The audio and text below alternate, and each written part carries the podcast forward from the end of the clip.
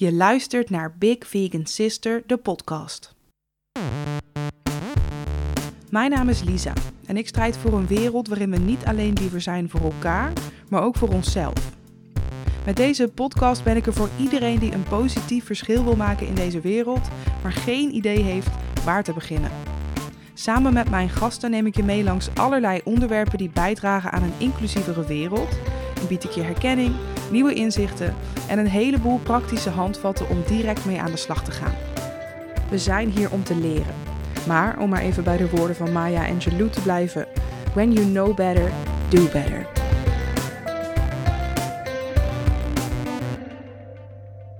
Welkom bij een nieuwe aflevering van Big Vegan Sister, de podcast.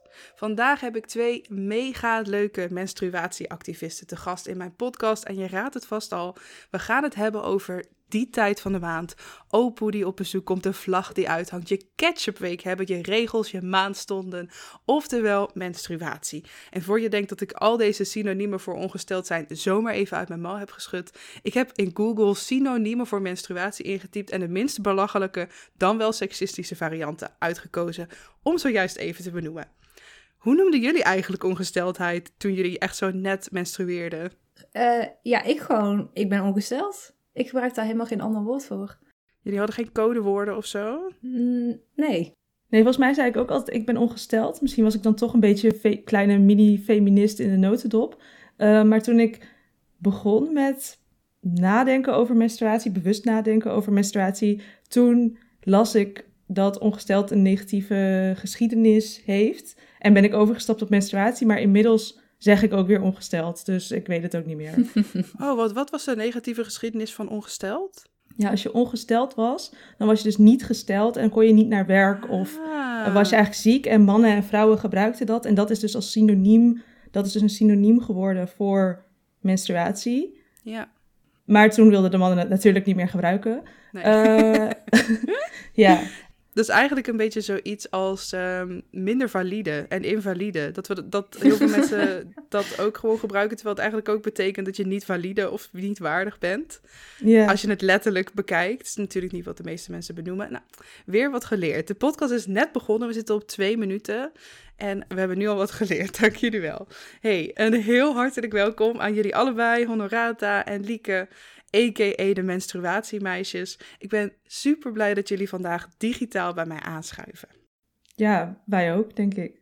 Toch, Lieke? Ik hoop het. Ja, superleuk om het te zijn. hey, ik, uh, ik stel aan het begin altijd een vraag aan al mijn gasten. En dat is, hoe gaat het op dit moment met jou? Dan mogen jullie zelf bepalen wie er eerst gaat. Ja, want dat is echt een dingetje met ons. Dat is altijd zo zijn met z'n tweeën, dus dan praten we of tegelijkertijd of niemand praat. Oké, maar aangezien ik uh, het woord heb genomen, ga ik even verder. Uh, hoe gaat het met mij? Uh, ja, mixed feelings. Want menstruatiemeisjes gaat super goed en dat is echt het coolste wat ik heb gedaan.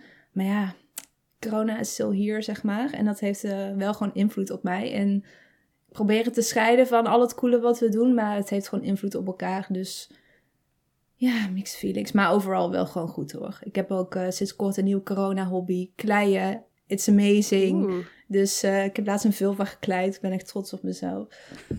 dus ik vermaak me wel. Maar uh, het, is, het is wel eens leuker geweest. Ja, ja, dat is wel herkenbaar. Hoe is dat voor jou, Honorata? Um, ik denk een beetje zoals Lieke, maar dan anders. Want het gaat wel redelijk met me. Um, maar ik heb wel een menstruatiemeisjes hangover, zoals ik dat noem. Dat het is zo snel gegaan en ik ging tellen hoe lang het was. En we zijn nu vier maanden bezig. En dat is echt veel wat er is gebeurd in vier maanden. En ik heb denk ik niet een week vrijgenomen. Dus ik leer ook steeds meer om ook pauze te nemen en op de rem te trappen. En ik merk echt dat ik ouder en volwassen word. En gewoon grenzen kan stellen. Dus uh, ja. ja. ook gemengd, ja. hey, en um, menstruatiemeisjes, dat zijn jullie? Um, willen jullie kort vertellen over wat jullie doen en waarom eigenlijk? Waarom we dit doen heeft eigenlijk twee kanten. Namelijk één, ik leerde Lieke kennen en we werden echt vet feministische friends. Uh, en tegelijkertijd kreeg ik mijn PMDD-diagnose, wat premenstruele dysfore disorder, daar staat het voor. Um, en die dingen samen zorgden ervoor dat we menstruatiemeisjes begonnen. Ja, en, en uh, Lieke, kan je vertellen wat jullie als menstruatiemeisjes precies doen? Ja, het uh, begon met een podcast. Uh, we hebben, ik ging zeggen, we hebben deze week onze tiende aflevering gelanceerd. Maar dat gaan we zo meteen nog doen, a.k.a. vanavond. dus daarmee zijn we al een tijdje bezig. We hebben een Instagram. We're not missing out on that. um, en we hebben een digitaal magazine. Dus we sturen elke maand ook een. Um, ja, het is meer een soort column, opiniestuk over uh, iets wat ons opviel rondom menstruatie en wat wij daar dan vinden. En het gaat vaak over period shaming. Oké, okay, period shaming. Vertel, wat is het? Uh, ja, dat is eigenlijk al het gedrag, alles wat je doet wat dat menstruatietaboe in stand houdt. Dus als hij uh, tegen iemand roept, ben je ongesteld of zo? Nou, dat is best wel shamend, want dan zou je zogenaamd geen last mogen hebben van je menstruatie. Uh, het is ook je tampon verstoppen als ze naar de wc loopt. het is, zijn ook merken die het woord menstruatie niet op een verpakking zetten. Um, het is heel breed. Het zit op interpersoonlijk vlak. Het zit op het vlak van wat merken daarmee doen. Um, maar het is eigenlijk alles wat het menstruatietaboe dus in stand houdt. Ja, ja. En er komt een heus menstruatiemeisjesboek aan. Ja. Vertel even hoe dat ging. Um, ik, uh, ik was, uh, het is echt niet zo heel glamorous, maar uh, voor het begin van het verhaal. Ik was even bij mijn ouders aan het logeren. Um, en opeens hadden we een berichtje in onze LinkedIn van... Hoi, ik ben uh, acquirerend redacteur en uh, willen jullie een keer langskomen om te praten? Dus wij zo, oké, okay, is goed. en um, dus toen gingen we naar Amsterdam en hebben we afgesproken. En we dachten gewoon, oh, een kennismakingsgesprek en we zien wel wat eruit komt. En we hadden ons helemaal niet voorbereid. Um, en kwamen naar buiten met een aanbod voor een boekcontract... Uh, en toen we buiten kwamen, moesten we zo hard lachen, omdat het gewoon bizar was. Want we waren nog maar een paar weken begonnen en het was echt een doel voor, oh, dit willen we over een jaar of over twee jaar hopen we een boek te mogen schrijven. En opeens was dat er. Um, ja, ja, ik vond jouw aankondiging ook super grappig op LinkedIn, Honorato. Want het was echt zo, my expectations when talking about my period. en dan reality, hier is een boekcontract. Ja. Die vond ik echt heel ja, erg leuk. Ik dacht, ik dacht echt dat ik klanten zou verliezen, omdat ik dus ook open was over mijn PMDD-diagnose en de invloed daarvan op mijn leven. Um, ik was er echt heel bang voor, maar tot nu toe is precies het tegenovergestelde gebeurd. Dus des te meer ik deel, des te meer mensen herkennen. En ja, ja, cool. Echt superleuk. Nou, in het boek gaat het helemaal over menstruatie. In deze podcast nu gaat het helemaal over menstruatie. En dat is voor mij inmiddels na echt jaren een onderwerp waar ik best wel makkelijk over praat. Wat eigenlijk ook best wel vreemd is dat ik daar. Nee, vreemd is een groot woord. Maar best wel een ding is eigenlijk dat ik daar nu pas zo open over praat. Omdat ik toch echt wel sinds mijn zestiende mega feministisch ben. Moet je nagaan hoeveel taboe er bij mij ook nog heel lang op heeft gezeten. Um, het ligt er natuurlijk een beetje aan wanneer, met wie je erover praat. Maar dat taboe is er voor mij inmiddels wel een beetje af. Uh, maar even een heads-up voor degene die denkt: oeh, menstruatie eng. Ik vind het een beetje vies. Um, mocht je misschien niet goed tegen dit soort onderwerpen kunnen, dus tegen lichaamsvolg, tegen bloed. Ik weet niet precies natuurlijk wat er allemaal voorbij gaat komen, maar hoe grafisch het wordt. Maar you never know. Dan is dit misschien niet helemaal de aflevering voor jou. Of blijf juist luisteren om er uh, hopelijk iets minder ongemakkelijkheid rond te voelen. En ik moet ook eerlijk toegeven, ik vond menstruatie eigenlijk nooit zo heel interessant.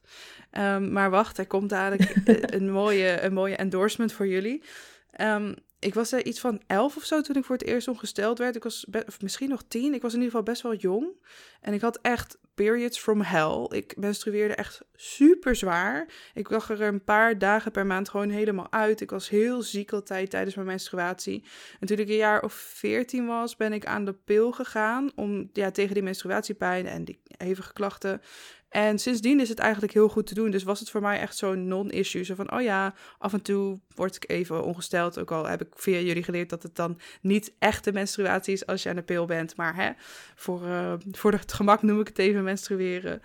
Um, ja, ik vond het gewoon nooit zo'n heel interessant onderwerp. Maar toen kwamen jullie met deze podcast. En sindsdien vind ik het onderwerp echt super interessant. Jullie hebben me er echt al zoveel over geleerd.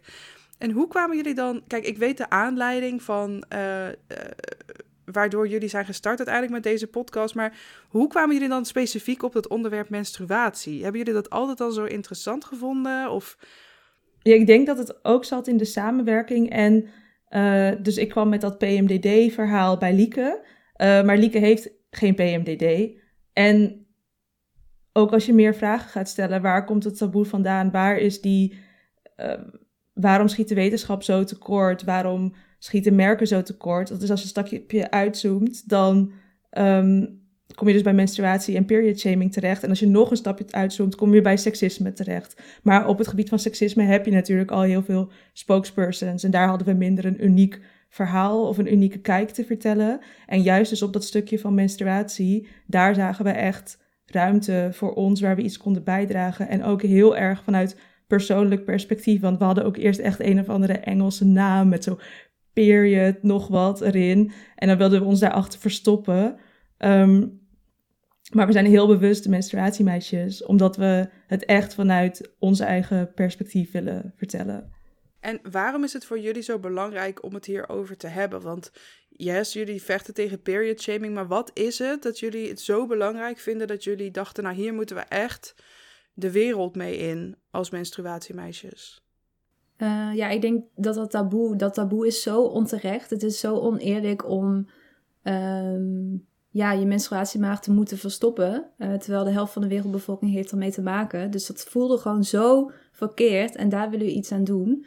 En dat taboe, hebt ook allerlei ja, misstanden in de hand. Eh, doordat het een taboe is, weten we er heel weinig over. Worden aandoeningen rondom menstruatie heel laat gediagnosticeerd. Dus dat is niet zomaar iets, zeg maar. Eh, het heeft ook met gezondheid te maken. Het is gewoon heel heftig. Ehm, ja, Honorato zegt het altijd heel mooi. Het is eigenlijk een boete om een baarmoeder te hebben. Eh, maar het is de normaalste zaak van de wereld. Dus het is gewoon hoog tijd dat we dat, dat ook zo gaan zien. Eh, dus dat willen we graag bereiken. Nou weet ik dat iedere aflevering van jullie begint met een echt of nep. En voor de nog niet menstruatiemeisjes luisteraar, dat is een ware strijd der titanen. En hoeveel staat het nu inmiddels? Ja, ik wil het daar niet over. Nou, ik dacht dus, ik wil ook zoveel spanning in mijn podcast. Die strijd wil ik voortzetten in mijn podcast. Misschien dat jullie het nu voor once and for all gewoon even kunnen kijken wie de echte winnaar is. Zodat Lieke, jij deze vernederingsslag niet meer hoeft te ondergaan. Maar hier komt de echt of nep XXXL uitvoering met uitbreidingsset en downloadable content. En dat laatste is natuurlijk een grapje, maar we gaan het echt of nep spel doen. En ik noem zo dus een paar menstruatie feitjes op, tussen aanhalingstekens. En jullie moeten dan raden of die echt of nep zijn. En nu komt de belangrijke vraag, willen jullie samen in één team of willen jullie tegen elkaar strijden? Lieke mag kiezen. Eh, ik weet het niet. Samen is wel zo gezellig, denk ik. Eh, Ah, jullie mogen samen doen. Oké. Misschien dat het helpt voor de bonding. Ja, misschien is het overleg wat we dan hebben... naar aanleiding van de echt of nep ook wel interessant. Ja, vind ik ook. Oké, ik heb ehm, maar liefst vijf echt of neppen voor jullie. En de strijd gaat nu, nou ja, eigenlijk is het niet echt een strijd, maar het spel gaat nu beginnen. Oké, Yes. hier komt het eerste feitje. Wanneer je in de middeleeuwen last had van hevige menstruatie, kreeg je het advies om een pad te verbranden en zijn as in een zakje om je middel te dragen. Is dit echt of is dit nep? Wat denk jij, Lieke? Ja, ik denk dat het echt is, want ik kan alleen maar denken... hoe zou jij dit anders zelf hebben verzonnen? Ehm, maar dit is ook heel typerend voor de manier hoe, we, hoe ik... Nou, ik weet niet of Van Raad ook zo met, met onze eigen echt of neps omgaat. Maar ik zit dan meer te denken aan... heeft Van Raad dit zelf bedacht, ja of nee? En ik denk dat jij dit Ik niet vond het ook bedacht. geloofwaardig. Ja, ik vond het wel zo Geloofwaardig, ja. specifiek. Sounds very medieval. Oké, nou, dan mag ik jullie feliciteren. Yay! Want het is echt. Yay! Yes. Oké, dus de eerste punt is al binnen. Komt het volgende feitje. In de jaren 40 van de vorige eeuw heeft Disney samen met Kotex een video gemaakt over menstruatie. Ja, volgens mij hebben wij het hier ook over gehad. Eh, over deze film. Ja, eh, maar ja, was dat nou met Cotex? Ja, ik eh, zeg echt. Wat denk jij, Renata? Ik zeg ook echt. Gefeliciteerd! Yay, dit gaat super goed. Dat was ook de eerste film waar eh, het woord vagina in werd Precies, gebruikt. nou, oh, dit, als gameshow-leider wil ik dit soort feiten Sorry. Ja, even Grapje. stil. hij heette The Story of Menstruation. En ehm, hij heeft met ja, Kimberly Clark, Cotex is een merk daarvan, samengewerkt om een preteen video over menstruatie te maken. En inderdaad was het de eerste video ooit waarin het woord vagina werd gezegd. En ik heb hem gisteren een stukje bekeken en ik vond hem verrassend gewoon to the point en vooruitstrevend voor de jaren 40. Zeg maar, als ik daarnaar kijk, denk ik, nou, we zijn er niet echt op vooruit gegaan hoe we nu over menstruatie praten. In video's dan. Ehm, Oké, volgende. Feitje nummer 3. De grootste tampon ooit gemaakt was maar liefst 18,6 meter lang en heeft daarmee in 2013 een plekje behaald in het Guinness World Book of Records. Is dit echt of is dit nep? Poeh. Ik vind het dus Heel weer een beetje categorie... Heeft Lisa dit zelf zitten bedenken of niet? Ik denk het niet, maar ik zit ook een beetje te wachten op de eerste vraag die dan nep is. Dus ik weet niet of nu tijdens Ja, Lieke, speelt wel weer heel strategisch, hè? Ja, sorry. De- ja, ik ga ja, je helemaal op. Ik... Wat wil jij, ja, wat wil jij gokken? Eh, ik, mm, ja, ik, ik, ik neig naar nep. Ik Misschien klopt het eh, world record ding of gedeelte niet. Jullie hebben gelijk. Oh. Ik heb Ja. deze uit mijn grote duim gezogen. Ik vond het erg leuk. Ik dacht, hoe lang zal ik de tampon maken? Er is gewoon, het- er, is geen poging geweest voor de grootste tampon. Dus die zouden jullie nog eh, kunnen doen. Hij staat er nog Ja. niet in. Dus je kunt ook een tampon van 10 centimeter maken. En dan eh, kom je er ook in te staan. Eh, maar er is wel een langste lijn ooit gelegd met maandverbandjes. En die was 1888,9 meter lang. En bestond uit iets meer dan 21.000 eh, maatverbandjes. Maar wel die in plastic. En toen daarna zijn ze verdeeld over allemaal scholen. En het was om aandacht te vragen voor menstruatiearmoede. Oh, mooi. Oh, nice. Dus ja. dat vond ik wel mooi. Oké, volgende. Echt of nep? In Canada staat er bij ieder groot nationaal park borden die menstruerende mensen waarschuwen voor beren. Want die komen namelijk af op de geur die je uitscheidt tijdens je menstruatie. Ik denk echt. Ik heb dit, ja, ik Ja. heb dit wel vaker gehoord dat dit dan zeg maar zo'n soort mythe is. En ik ga ervan uit dat er dan dus iemand is die die mythe in stand houdt. Dus ik zou zeggen echt. Ja, eh, ik ook echt. Maar dan inderdaad met de kanttekening dat ik eh, de inhoud, zeg maar, dat, dat ik daar dan niks van geloof. Maar die borden zullen er wel staan, ja. Bummer. Oh. Ik heb dit zelf bedacht. Joepie, ik heb jullie om de tuin geleid. Het was fout. Dit is gewoon nep. Heel veel mensen denken inderdaad wel dat dat zo is. Maar ehm, ik dacht, eh, ik ga dit erin doen om jullie om de tuin te leiden. En het is me gelukt. Ja, goed gedaan. Oké. Nou, de allerlaatste. Jullie zitten nu op drie punten van de tot nu toe vier. Vind ik erg goed. Ehm, de laatste, om die bepaalt of jullie doorgaan voor de wasmachine om je eh, herbruikbare eh, maat- maatverbandjes in te wassen. De laatste. Tijdens je menstruatie klinkt je stem lager dan gewoonlijk. Echt of nep? Eh, Ik Ja, durf wel echt te zeggen, maar dat zouden wij toch moeten weten met onze podcast. Maar ik heb hier nog nooit iets van gehoord. Ja, denk jij Ja, of- echt? ja, of ze is ons weer om de tuin aan het leiden. Hmm. Ik heb zelf het idee dat mijn stem verandert, maar ik weet dus niet of het met mijn cyclus samenhangt.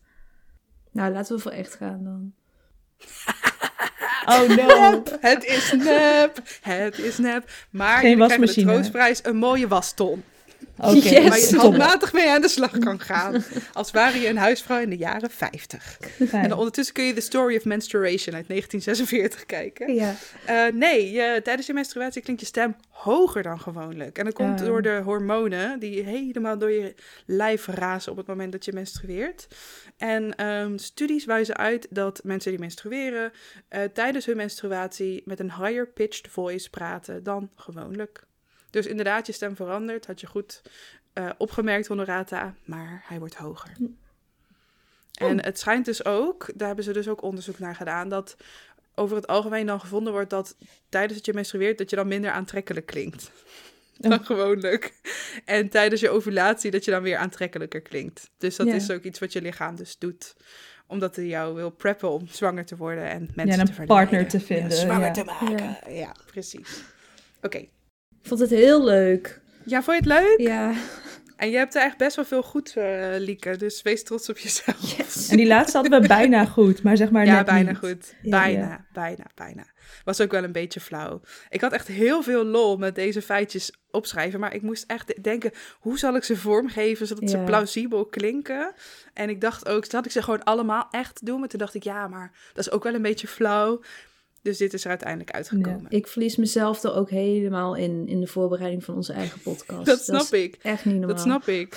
Ik moest ook vooral weer heel erg lachen toen ik las over het feitje dat een, eh, een menstruerende NASA-astronaute, die ehm, ging toen één week naar de ruimte en toen vroeg NASA of ze 100 tampons nodig had. Ja. Ja. Like, nee. Ze vroegen of het genoeg was ook nog. Wil je 100 of meer? of meer. ja, en ik ben ook weer achter heel veel dingen gekomen dat men, die mensen dachten over menstruatie. Daar gaan we het nu verder niet over hebben. Maar waar ik het wel heel graag met jullie over hebben, is echt het hele het begin. Want ik vind het altijd heel erg interessant om te horen hoe er bij andere mensen thuis werd, werd of wordt gepraat over menstruatie. Bij mij thuis was het een heel erg normaal onderwerp. Ik wist wat menstrueren was, wat het inhield. Eh, dat je dan bijvoorbeeld maandverband of tampons gebruikte. De menstruatiecup, die was toen nog niet zo bekend. Ik weet niet, misschien bestond hij al, maar hij was nog niet echt bekend. Ik was echt heel goed voorbereid, dus ik wist eigenlijk best wel goed wat ik kon verwachten. Ehm, ik leerde toen ook pas veel later dat er bij heel veel mensen thuis heel anders of niet over menstruatie werd gepraat.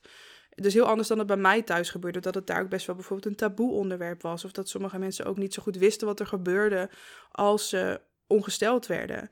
Hoe was dat bij jullie vroeger en hoe is dat inmiddels? Want jullie wonen nu allebei in een andere context natuurlijk dan je vroeger woonde. Vroeger neem ik aan nog bij je ouders.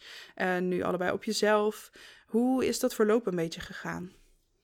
Ehm, nou, als ik terugdenk aan ehm, bij mijn ouders wonen, dan is het eerste wat bij, bij mij te binnen schiet, is nou, gewoon niet. Daar praten wij gewoon niet over destijds. Eh, toen ik voor het eerst ongesteld werd, wist ik wel wat het was. Maar dat kwam doordat vriendinnetjes al eerder ongesteld waren. Dus mijn moeder had dat moment al wel voorbereid van mij door menstruatieproducten in huis te halen. Ehm, maar tegelijkertijd ja, was het ook iets wat ik moest verstoppen. Want mijn menstruatieproducten lagen dan echt zo in badkamerla, ver weggestopt. En ehm, ik had ook gewoon een vader en een broer. Maar daar had ik het sowieso nooit over menstrueren. Eh, en zij wisten denk ik alleen maar dat ik menstrueerde als zij echt de binnenkant van de prullenbak dan heel goed gingen bekijken.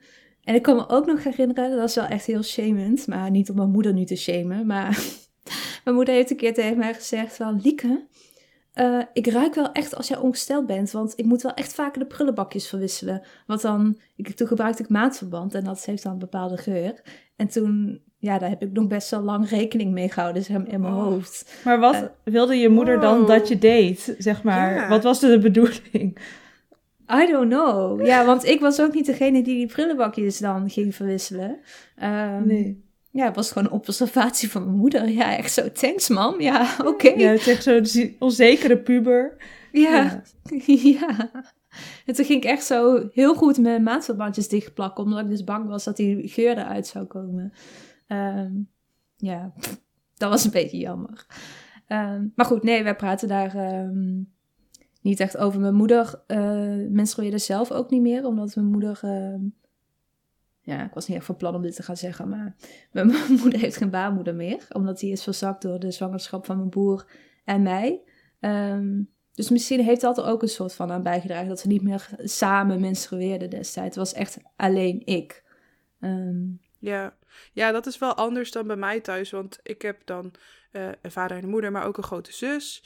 Eh, mijn moeder en zus, eh, mijn moeder menstrueert inmiddels niet meer, maar mijn zus nog wel. En ehm, het was bij ons thuis gewoon zo'n normaal en gebruikelijk onderwerp. Want we waren met de, met de mensen die menstrueerden ook gewoon in de meerderheid.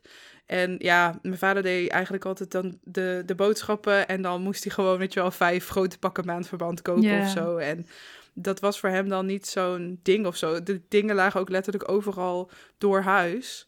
En ook toen ik voor het eerst een tampon wilde gaan gebruiken, want oh my god, ik was dus zo heftig ongesteld, dat ik ook echt gewoon tampon, zeg maar een dik, een dikke tampon, wat zit nou weer? Zo'n superplus tampon en van dat nachtmaandverband eh, moest dragen, zo- om te zorgen dat ik niet zou doorlekken. En toen heeft mijn moeder ook gewoon met een spiegeltje en zo, zijn we samen op de badkamer gehurkt gaan zitten, ging ze gewoon zo laten zien, zo doe je een tampon in. Oh. En eh, nou ja, dus dat, Zo dat, mooi. Ergens voel ik me nou heel lullig dat ik dat zeg, omdat ik dan net doe alsof jouw moeder het niet goed aan heeft gepakt, Lieke, of zo. Of dat ik jou iets laat zien van zo, dit heb je gemist of zo. Zo bedoel ik het totaal niet. Maar dat is gewoon zo'n zo'n moment dat ik echt mijn hele leven lang zo heb gekoesterd. Het was zo'n intiem moment om dan samen met mijn moeder zo, dat ze me echt zo ging laten zien hoe dat nou werkte.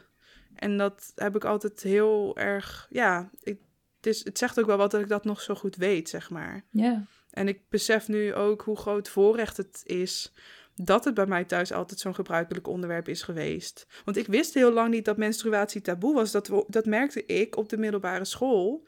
Toen mensen er heel erg krampachtig om deden, dacht ik, oh, blijkbaar is dit taboe. Oké, ik zou mijn maandverband wel verstoppen. En eh, net als dat je van Kotex en Libresse en zo allemaal van die verschillende kleurrijke doosjes kreeg om dingen in te verstoppen. Ja, Maar- precies ik- ook gericht op jonge mensen weer. Ja. Ja. Dat. En ook, ehm, ik bewaarde altijd, je had van die tandenstoker doosjes waar dan precies drie tampons hadden we uitgevonden in pasten. En die Ja. bewaarde ik dan altijd, want dan kon ik het heel zo sneaky meenemen. Want stel je voor, het was net alsof we een soort van drugsdeal deden als een ene meid in de klas tegen aan een andere meid in de klas een tampon moest geven. Zo van heel stiekem doorgeven, als iemand het ook maar zou zien. En nou denk ik echt, wat? Hoe, Ja. hoe zonde is dit? Misschien was je dan ook wel minder vatbaar voor het taboe daarna, omdat je dus zo goed bent voorgelicht. Eh, Ja. Ik had zelf, ik, ik ben zelf ook niet echt voorgelicht. Mijn moeder die had volgens mij zoiets van, het komt wel als het komt. Mijn ouders zijn best wel nuchter.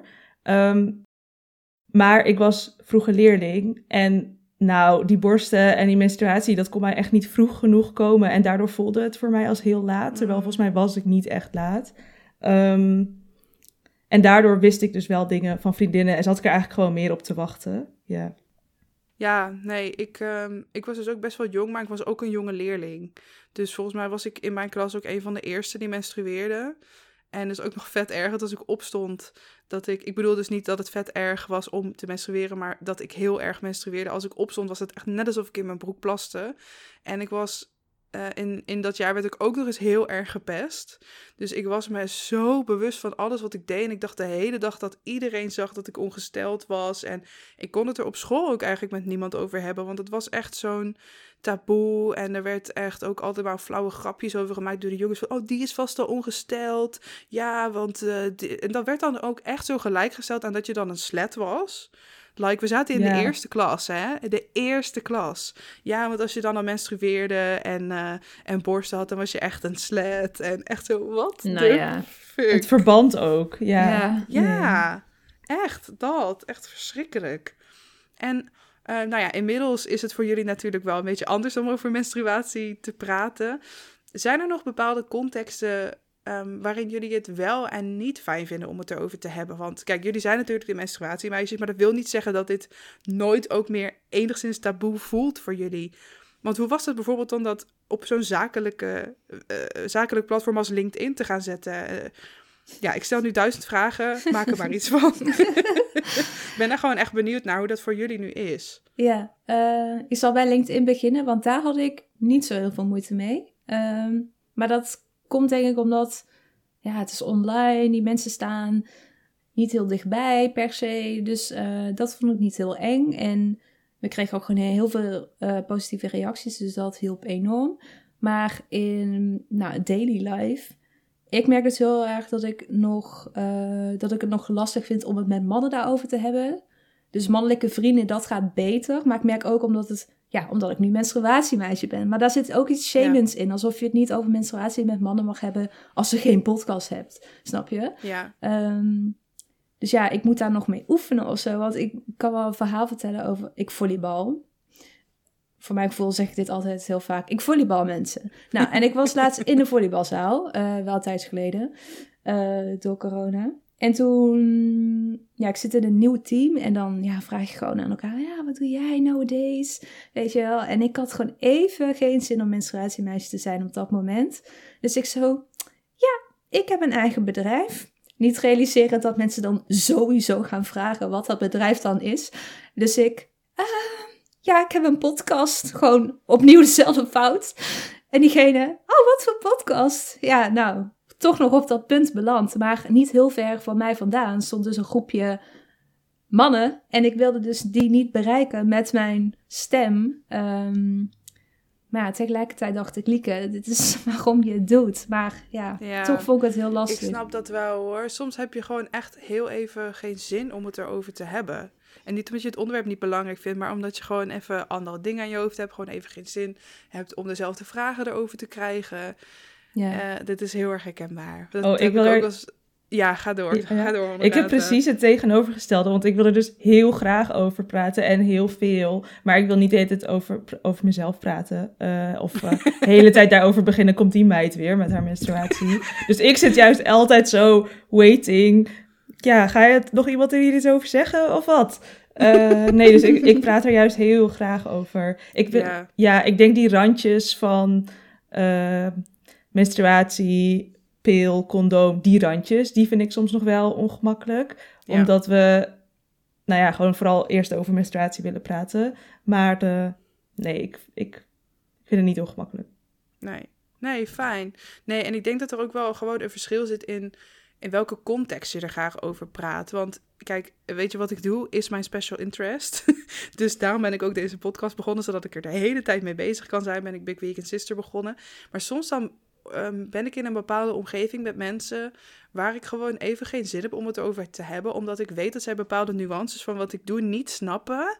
En dat ik dan dus zeg maar de obvious vragen weer krijg, waar ik gewoon al dat klinkt misschien heel lullig, maar voorbij ben en gewoon geen zin heb om die tot in den treuren te herhalen. Ja. Ehm, dus dat is het een beetje voor mij. Terwijl verder, dan ik als mensen vragen, wat doe je? dan ga ik altijd heel graag over vertellen. denk ik, moet ik nou stoppen? Mag ik doorgaan? Dus het is voor mij ook echt super sterk contextafhankelijk. En ik herken ook wel wat jij zegt over... Ehm, dat dan dingen rond bijvoorbeeld anticonceptie of condoom of zo, dat het soms nog um, ongemakkelijk is, maar dat is vooral omdat ik bij mezelf, ik weet niet of jullie dat ook hebben hoor, maar ik heb bij mezelf, ik heb best wel moeite om mezelf te zien als een seksueel wezen. Dat ik, ik ben gewoon Lisa en ik vind mezelf heel leuk en zo, maar ik vind het een heel raar idee dat ik seksueel ben. Terwijl ik gewoon, ik ben seksueel actief al de hele tijd, dus het is niet zo dat dat niet zo is. Maar ik vind het, ik vind het, het is zo'n kant van mezelf waar waarin ik nog te veel te onderzoeken heb wie ik ben of zo. En door bepaalde geïnternaliseerde gedachten over mezelf en ook van die gedachten die ik me eigen heb gemaakt, echt zo dankzij dat pestverleden en zo, vind ik het heel raar nog steeds als mensen mij zien als een uh, wezen met lustgevoelens of zo, of dat mensen lustgevoelens naar mij hebben. Dus voor mij zit dat heel erg daarbij. Zo. Ja, ja, Ik, ja, ik herken dat wel. Ik ben ook gelovig opgevoed en um, dan is het niet de bedoeling dat je daar interesse in hebt of daar iets mee doet.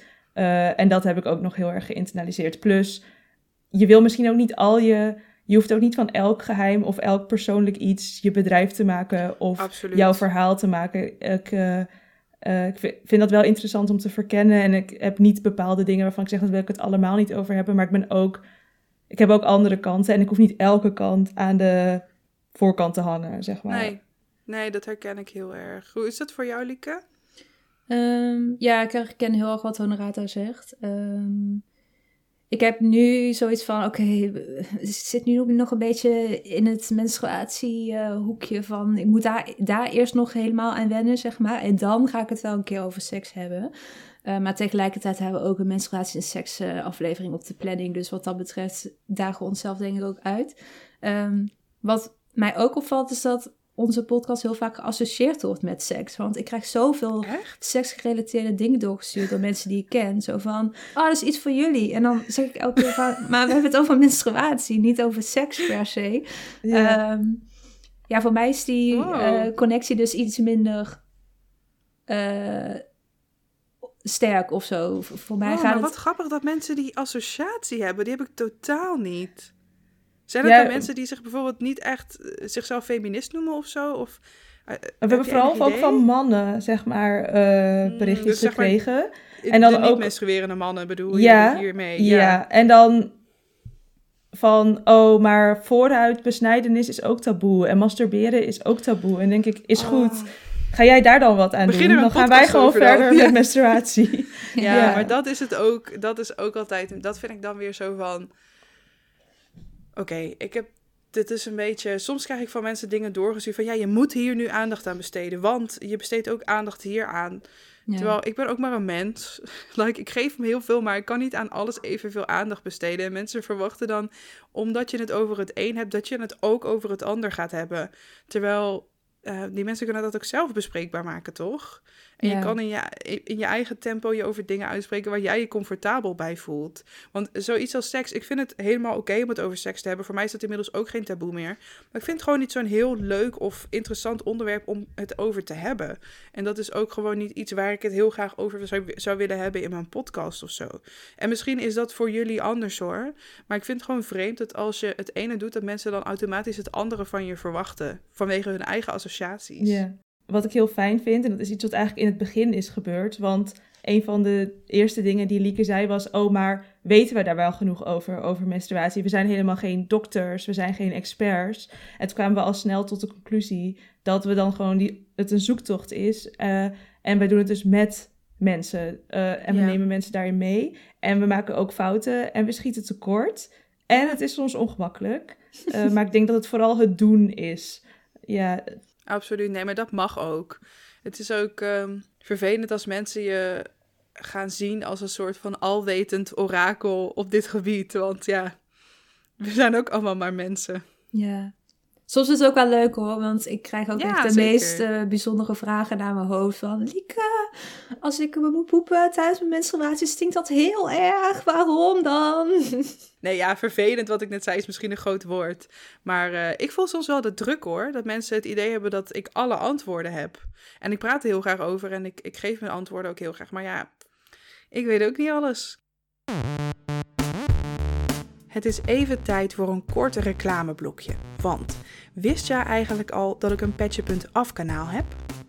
Via dat kanaal kun je voor een paar euro per maand lid worden van Big Vegan Sister, de podcast. Om er zo voor te zorgen dat de podcast kan blijven bestaan en kan verbeteren.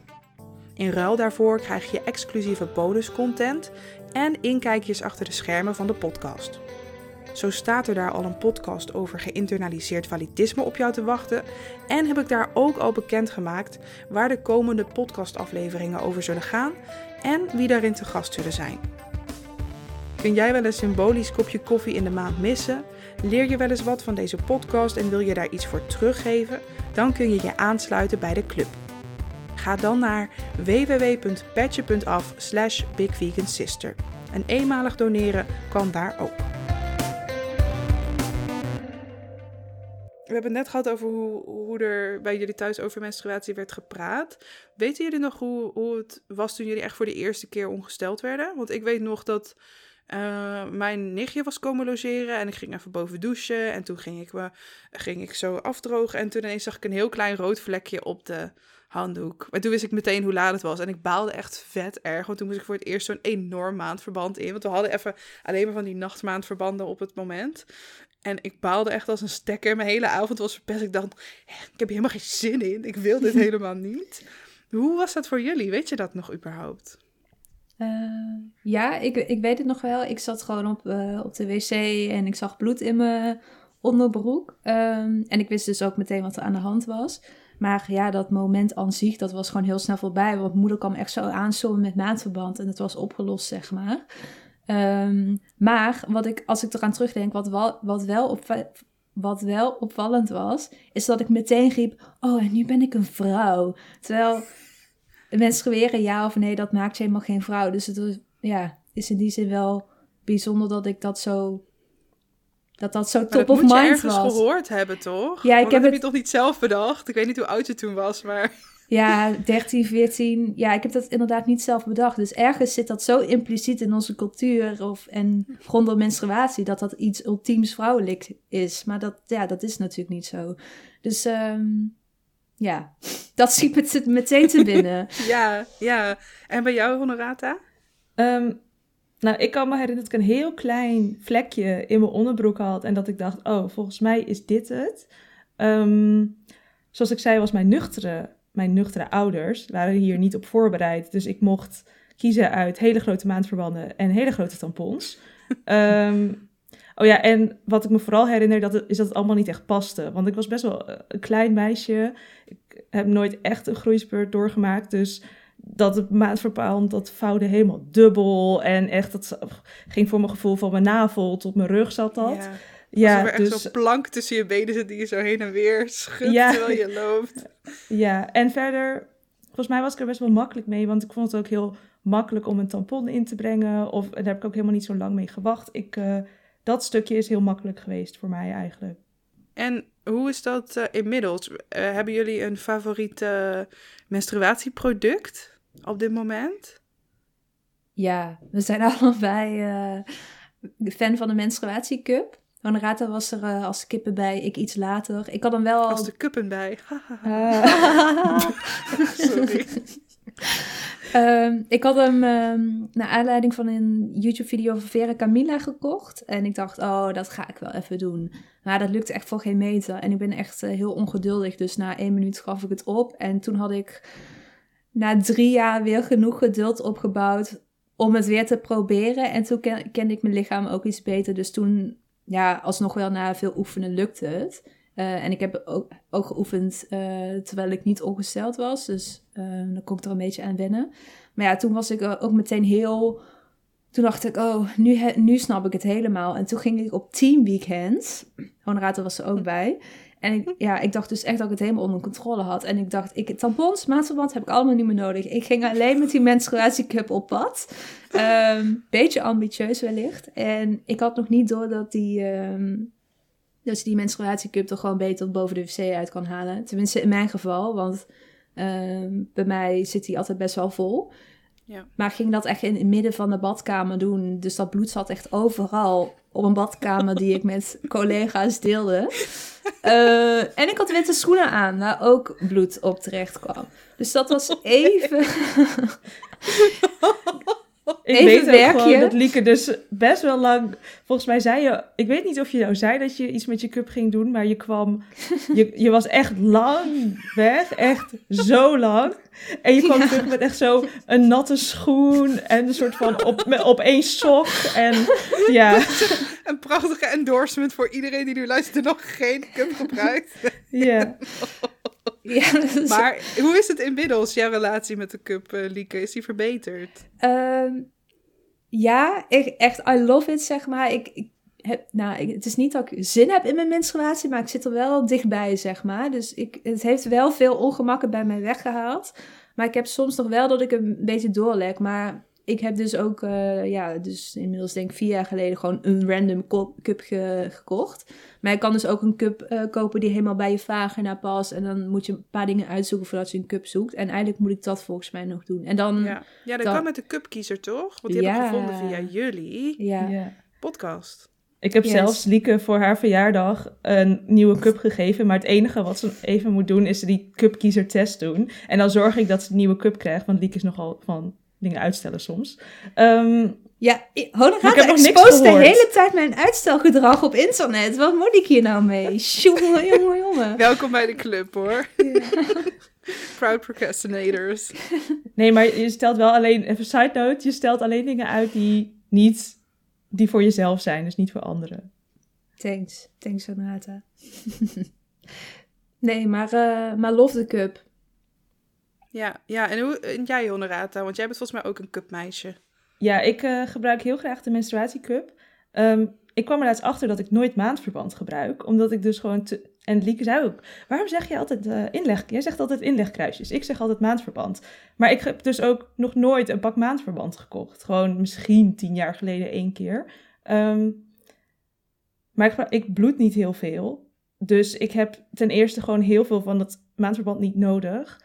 Eh, dus ik gebruik een combi van menstruatiecup en inlegkruisjes. En ik ben Ja. sinds eerst, en dat kun je ook misschien horen aan het begin van de podcast, we zijn wel genuanceerd, maar wel wat minder enthousiast over maandverband. Omdat het toch, je ziet het, eh, je- kunt wat geur hebben als je niet vaak genoeg wisselt.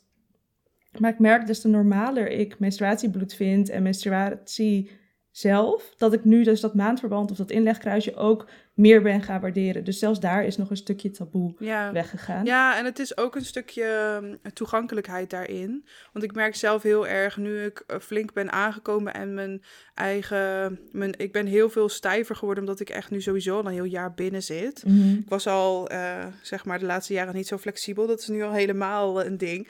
Dus ik had laatst een nieuwe cup gehaald, maar die was een beetje klein. En dat wist ik niet. Maar ik dacht, oh joh, ik, ik bloed toch heel weinig, dus dat kan wel. en toen had ik hem al met moeite ingekregen, want ik moest heel ver bukken, want hij was heel klein. En ehm, toen moest ik echt in zo'n soort froggy position gaan zitten op de grond. Ik kon ook niet op de wc, want daar paste het niet. Dus ik deed het gewoon zo hier in de keuken, even zo casual squadden. en toen wou ik hem er weer uithalen, maar toen kreeg ik hem er niet meer uit. Want ik kon er niet bij, want hij was te klein en hij was heel... Blijkbaar heb ik een hoge baarmoedermond. Dus hij was heel ver naar boven gaan zitten. Dus toen moest bijna Randy mij gaan helpen om hem eruit te halen. Dit, mensen die nu luisteren, je hoeft echt niet bang te zijn. Hij kan niet losdraken of zo. Dit kan gewoon niet. En ik moest gewoon een beetje ontspannen en toen kon ik er gewoon weer bij. Maar ehm, soms als ik gewoon dagen heb met superveel pijn en zo, dan lukt het me niet goed om mijn menstruatiecup in te doen. Enerzijds vanwege mijn gewicht en anderzijds gewoon vanwege de pijn en mijn stijfheid. Dus ehm, voor heel veel mensen is maandverband ook, en indagkruisjes ook, gewoon een, een toegankelijker alternatief. Ook voor mensen die gewoon bijvoorbeeld genderdysforie hebben, die niet zo graag bezig zijn met hun vagina. Ehm, dus dat, ja, in die zin ben ik het ook wel weer meer gaan waarderen. Want eerst was ik ook best wel van, oh ja, cup, iedereen aan de cup. Cup in de basisverzekering. Ben ik overigens nog steeds in de basisverzekering. Alleen, hoe mooi de cup ook is en hoe fijn, want ik vind hem echt, echt werkelijk waar Ja. fantastisch. En ik heb nu een nieuwe, die gewoon goed past. En die is super cute, lichtroze. Ik, eh, ben, er, ik ben altijd helemaal blij als ik hem weer mag gaan gebruiken, want ik vind hem heel leuk. Ehm, maar ehm, die is echt fantastisch. Ik heb Mag je nog op last van- aanhaken? Ja, zeker. Ja. Ehm, ja, want dit is ook een nuance die we in onze menstruatiecup aflevering noemen. Namelijk dat je wel een bepaalde de lenigheid nodig hebt of flexibiliteit. Eh, er Ja. zijn ook menstruatiecups die dus geschikter zijn eh, voor als je dus wat minder flexibel bent. Dus met een speciaal systeem. Ehm, dat bespreken we ook in aflevering 2. Is dit een ode aan de menstruatiecup? En ehm, ik heb bijvoorbeeld PMDD en laatst had ik mijn cup niet uitgekookt voordat ik me slecht ging voelen. En toen voelde ik me gewoon te slecht om het voor elkaar te krijgen om hem uit te koken. En toen heb ik dus een één menstruatie eh, tampons en inlegkruisjes gebruikt. Ik denk dat ik de volgende keer zou vragen aan mijn vriend of die het wil uitkoken. Eh, want dat wilde hij ook heus wel doen. Eh, maar dat is dus ook als je weinig energie hebt, dan kan het wel Ja. gewoon zijn dat je dat net niet voor elkaar krijgt. En een maandverband is wel gewoon iets wat je in één seconde kan pakken. Absoluut, ja, precies. Dat is ook waarom. Ja, ik heb dan ook inlegkruisjes in huis. Maar wat ik tegenwoordig heb is een cup Ehm, en dat is een klein siliconen bakje wat je uit kan trekken. En doe je, met doe je water in, doe je je cup in. Het deksel doe je er los op. En die zet je dan gewoon een paar minuten in de magnetron. Ja, Echt Nice. fantastisch. Het scheelt me zoveel energie. Ik heb al zo weinig energie, dus ik herken heel erg wat je zegt. Want voor de mensen die dit niet weten, iedere keer aan het einde van je menstruatie, als je je cup hebt gebruikt, moet je hem even uitkoken, zodat je hem als het ware weer schoonmaakt en die helemaal klaar is voor je volgende menstruatie. Ehm, maar dat helpt mij heel erg, want ik hoef hem alleen maar even een paar minuten in de magnetron te doen. En dan is die weer klaar. En je hebt dus ook een cup steamer, wat gewoon letterlijk een apparaatje is waar je je cup een in soort zet. eierkoker is dat En dan mij. een soort ja. eierkoker, precies, Ja. precies. En wat ik ook nog wilde zeggen, wat ik dus heel erg heb gemerkt. Ik gebruikte altijd tampons, eh, gecombineerd met maatverband. En ik had altijd echt veel last van krampen. En sinds ik, en dat waren dan ook gewoon OB-tampons, dus van die gebleekte tampons. Ehm, ik merk echt een heel groot verschil tussen mijn krampen sinds ik de menstruatiecup gebruik. Ik weet niet of jullie dit herkennen, maar ik heb echt veel minder krampen dan toen ik tampons gebruikte. Herkennen jullie dat ook? Eh, nee, ik niet.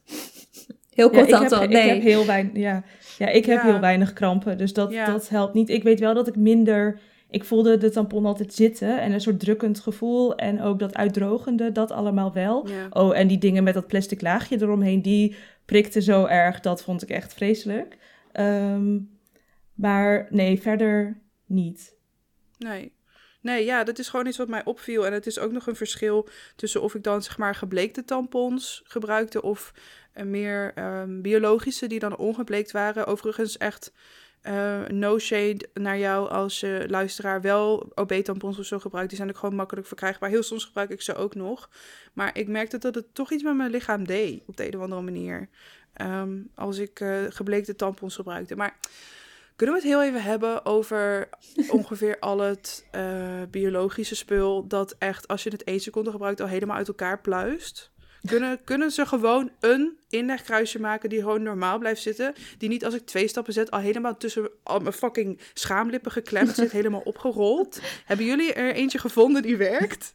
Want uh, ik ben echt aan het proberen. Ik heb net 5 euro uitgegeven aan een heel klein doosje met inlegkruisjes. En Yeah. like, terwijl we nu aan het opnemen zijn, voel ik hem gewoon zeg maar bunched up zitten Hmm. in mijn vagijn.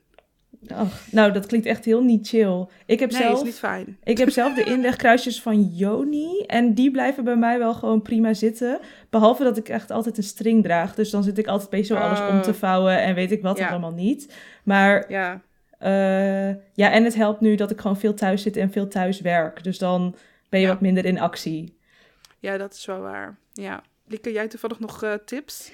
Nee, ik denk dat Joni ook mijn beste optie is hiervoor. Ehm, ja, toen ik dus eh, nog maandverband tampons gebruikte, vond ik het ook allemaal gewoon net niet eh, ideaal. Dus voor mij is de menstruatiecup ook het meest comfortabel. Ja, het is toch weer zo bizar, hè? Dat eh, we menstrueren echt al sinds, eh, sinds dat we bestaan. En er is nog gewoon geen comfortabel maandverband of Ja, tampon ik, op de ik heb wel nog echt... Ik heb nog wel heel veel interesse in period wear. Dat wil ik echt nog Ja. een keer uitproberen. Ja. Maar ik vind wel het nadeel is de prijs. Dat je echt zo'n Ja. grote investering moet doen om... Ja. Want zeg maar, met één ben je er echt nog lang nee, niet. nee Ja. precies. Dus dat... eh, Misschien moeten we even uitleggen wat het is. Want dat is iets, mochten er bijvoorbeeld nu transpersonen luisteren die ook menstrueren en daar bijvoorbeeld moeite mee hebben. Period wear is dan echt een uitkomst. Dat heb ik ook van veel eh, transpersonen gehoord die ik ken. Veel non-binaire personen, maar ook eh, cisgender personen die het gewoon heel erg fijn vinden. Kunnen jullie uitleggen wat period wear is? Ja, dat is ehm, eigenlijk een variant op maandverband, maar dat is gewoon ondergoed en daar zit maandverband ingebouwd. Eh, en het is wasbaar, dus je kunt het vaker gebruiken. Ehm, volgens mij is het de bedoeling dat je gewoon het een hele dag aan kan hebben. Dan spoel je het uit met koud water, zodat het bloed gaat spol- eh, stollen en er makkelijker uitgaat. En dan doe je het gewoon in een Zodat het bloed niet gaat stollen. Sorry? Zodat het bloed niet gaat stollen. Zodat het bloed niet gaat stollen. Ik miste even een Ja. belangrijk woord in deze zin. Ja, want dat was ook echt zo'n grootmoederstip die ik vroeger, al heel vroeger leerde van moeder. Want vroeger had ik altijd witte onderbroeken en er zaten dan altijd bloedvlekken in. En Ja. zei mama, ja, je moet het uitspoelen met koud water en dan haal het er zo uit. En ik dacht zo, wow, it's like magic. Maar het is echt, bloedvlekken Ja, krijg je echt met koud water eruit. En anders het Ook sopje, bij. Biotex. Ja, oh, true. goeie, heel goed. Ehm, maar ik heb, eh, ik ben laatst benaderd door een merk die period wear maakt. Ehm, en ik mag er een uitproberen. En ik ga de naam nog niet droppen. Want ik heb afgesproken dat ik er alleen over ga posten. Als ik er blij mee ben. En dan mag ik er waarschijnlijk ook nog één weggeven. Dus just eh, fingers crossed dat ik hem fijn vind. Want dat weet ik nog niet. Maar eh, dit lijkt me echt zo'n uitkomst. Ook voor die dagen dat ik zo moe ben. Dat ik gewoon, zeg maar, van de bank naar de wc lopen al echt een uitputtingsslag is. Want dan is het gewoon weer iets minder waar je je mee bezig hoeft te houden. En wat energie kost. Dus ehm, ja, op verschillende vlakken qua toegankelijkheid lijkt Period Wear me echt een uitkomst. Alleen het vervelende is dus dat ze wel meestal rond de 30 euro per stuk kosten. Ja. En als jij, zeg je wat, vijf dagen per, weet ik veel, maand of zo menstrueert... Ja, dan heb je er Je hebt eigenlijk er minstens twee of drie minstens nodig. ja, Ja, dat tikt Ja, wel je hebt er zelfs- inderdaad. zelfs twee per dag nodig, Ja. minstens. Dus, Ja. En je kunt wel tussendoor wassen, maar ja, je hebt wel... Ja, je moet wel eerst... eh, Precies. Maar ja, het voordeel is wel, als je ze dan hebt gehaald en je gaat er voorzichtig mee om, dat je er echt jaren mee kan doen. Ja. En nou ja, dingen als, me- als tampons en zo kosten natuurlijk ook gewoon geld. ja. Maar ja, sommige mensen kunnen gewoon niet in één keer die investering maken. En dat snap ik heel goed. Ehm Honorata, je noemde straks al even, jij hebt PMDD, er wordt ook wel PMDS genoemd in het Nederlands. En Lieke, jij hebt last van zulke hevige menstruatiepijnen dat je soms wel eens bijna flauw valt. Ehm, best wel heftig natuurlijk, maar het kan bijna niet anders, kan ik me voorstellen, dat het een invloed heeft op jullie leven. En ik vraag me af, hoe jullie daarmee omgaan en hoe je ervoor zorgt dat je menstruatie misschien ja, niet, niet voor je werkt. Dat vind ik al ook weer het ene uiterste. Maar dat hij in ieder geval niet tegen je werkt. Hebben jullie daar al een soort balans in gevonden? Of? Ehm, PMDD is premenstruele dysfore stoornis of disorder dan in het Engels. Ehm, en dat is eigenlijk een soort PMS, maar dan on steroids, wat echt een topwoord is om hele uit te spreken. En dat betekent dat je gewoon hele heftige klachten hebt die samenhangen met je cyclus. En die klachten zijn vooral mentaal en hebben echt veel invloed op je leven. En ehm, ik verlies soort van vier tot zeven dagen per cyclus aan PMDD. En dan kan ik minder werken of minder goed werken. Maar vooral, kijk, nu heb ik het alweer over werk. Maar eigenlijk het allereerste, ik voel me dan gewoon heel slecht. Ik ben dan heel somber, depressief. Ehm, hoe ik ermee omga is. Eigenlijk heeft dat twee kanten. Want aan de ene kant, ik vertelde ooit een keer van: Oh, ik ben ZZP'er. En op zich is dat wel fijn, want dan uh, kan ik zelf mijn werkuren bepalen. Maar toen vroeg ik me af, ben ik eigenlijk vrijwillig ZZP'er? Of ben ik ZZP'er omdat ik gewoon niet durf om ergens fulltime te solliciteren en om aan een bedrijf te vragen om ruimte voor mij en mijn PMDD te maken? Um, op zich ben ik wel heel blij, want ik vind menstruatiemeisjes heel leuk en het is heel goed en het past ook bij mijn kwaliteiten. Maar wat als ik nou niet deze dingen kon? Wat als ik niet een podcast kon maken? Wat als ik niet creatief was? Dan was dat echt een hele zorgwekkende situatie geweest. Plus, ik heb een, sorry als dit te diep gaat, maar ook mijn vriend is echt mijn vangnet. Want hij heeft gewoon een vaste baan en is echt gewoon relatief, of nou niet relatief, en hij is gezond. En ik weet dus dat als ik uitval, dat ik niet er alleen voor sta. Maar als ik niet mijn vriend had en dus niet mijn eigen bedrijf, dan was ik echt, dan was er niet veel ruimte voor mij in de maatschappij, uh, denk ik.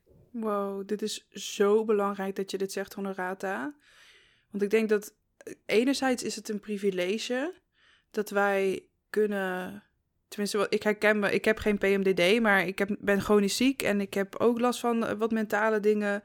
Wat gelukkig nu heel goed gaat, maar wat echt super heftig is geweest. En het is dat wij uh, bevoorrecht zijn met de dingen die we kunnen, zodat we zelf een soort weg voor onszelf kunnen vinden als ZZP'er, als ondernemer.